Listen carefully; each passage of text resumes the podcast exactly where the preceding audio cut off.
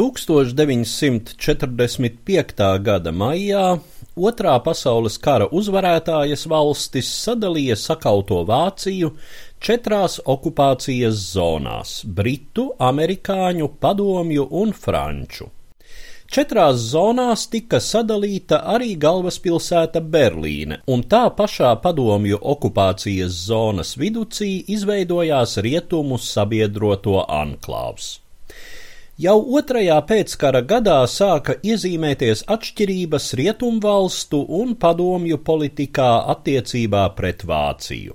Ja rietumvalstis arvien noteiktāk atbalstīja savu okupācijas zonu ekonomisko integrāciju un 1948. gada pirmajā pusē iezīmējās kurss arī uz Vācijas politisko atkal apvienošanu, Tad Padomju Savienība turpināja nesaudzīgi izvest no savas okupācijas zonas rūpniecības iekārtas, bet Padomju okupācijas iestādes rūpējās, lai Padomju zonas pašvaldībās pie varas nonāktu vācu komunisti.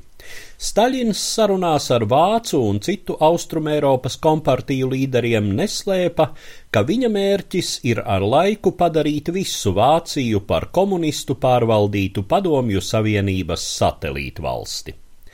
Par pirmo soli šī plāna realizācijā bija jākļūst Berlīnes rietumdaļas pārņemšanai padomju kontrolē.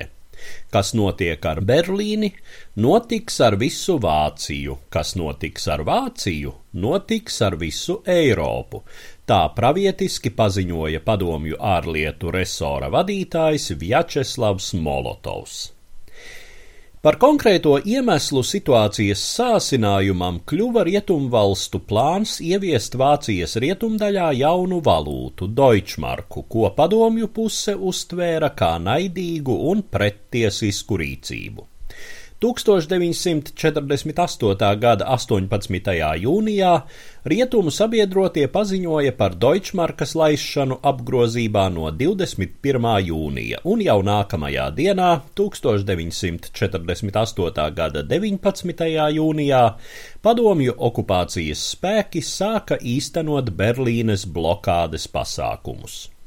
Padomju posteņi sāka aizturēt un pārmeklēt pasažieru vilcienus un automašīnas, kas devās uz un no Berlīnes, un pieprasīja, lai piegādēm pa ūdensceļiem tiktu saņemtas īpašas padomju atļaujas. Turpmākajās pāris nedēļās autotransporta, ūdens transporta un dzelzceļa satiksme pakāpeniski tika pilnīgi pārtraukta, 25. jūnijā tika izbeigtas arī pārtikas piegādes Rietumberlīnai no padomju zonas. Izrādījās, ka rietumu sabiedrotie, paļaujoties uz padomju labo gribu, nav noslēguši nekādas vienošanās par sauszemes satiksmes nodrošināšanu ar Rietumberlīni. Kopš šī brīža vienīgais ceļš, pa kuru sabiedroto karaspēks Berlīnē un arī rietumberlīnieši varēja saņemt visu izdzīvošanai nepieciešamo, bija trīs gaisa koridori, par kuru izmantošanu par laimi vienošanās bija noslēgta. Tikai dažus gadus iepriekš lidmašīnu motoru rūkoņa virs pilsētas bija šausminājusi berlīniešus ar kārtējās bombardēšanas briesmām.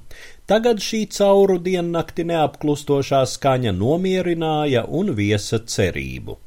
Operācijas vadītājam, amerikāņu ģenerālim Viljamam Tenneram, izdevās organizēt precīzu un raitu lidmašīnu plūsmu uz Tempelhofas lidostu, un to nespēja kaut cik jūtami kavēt nedz padomju viltus radiosignāli, nedz sarkanzvaigžņotie iznīcinātāji, kuri pastāvīgi bīstami manevrēja transporta lidmašīnu tūmā un dažreiz pat šāva, gan tikai garām. Franču sektorā Tēgelas rajonā rekordtempā tappa jauns lidlauks. Vīriešu Berlīnē bija palicis maz, un šo lidostu franču inženieru vadībā būvēja lielākoties vācu sievietes, smagi strādādamas dienu un nakti. Galu galā 1949. gada pavasarī Berlīnē pa gaisu nogādāto kravu apjoms pārsniedza to, kas pirms blokādes tika piegādāts pa zemi un ūdeni. Ciesdams smagus zaudējumus propagandas frontē, Staļina režīms piekāpās un 1949. gada maijā blokādi pārtrauca.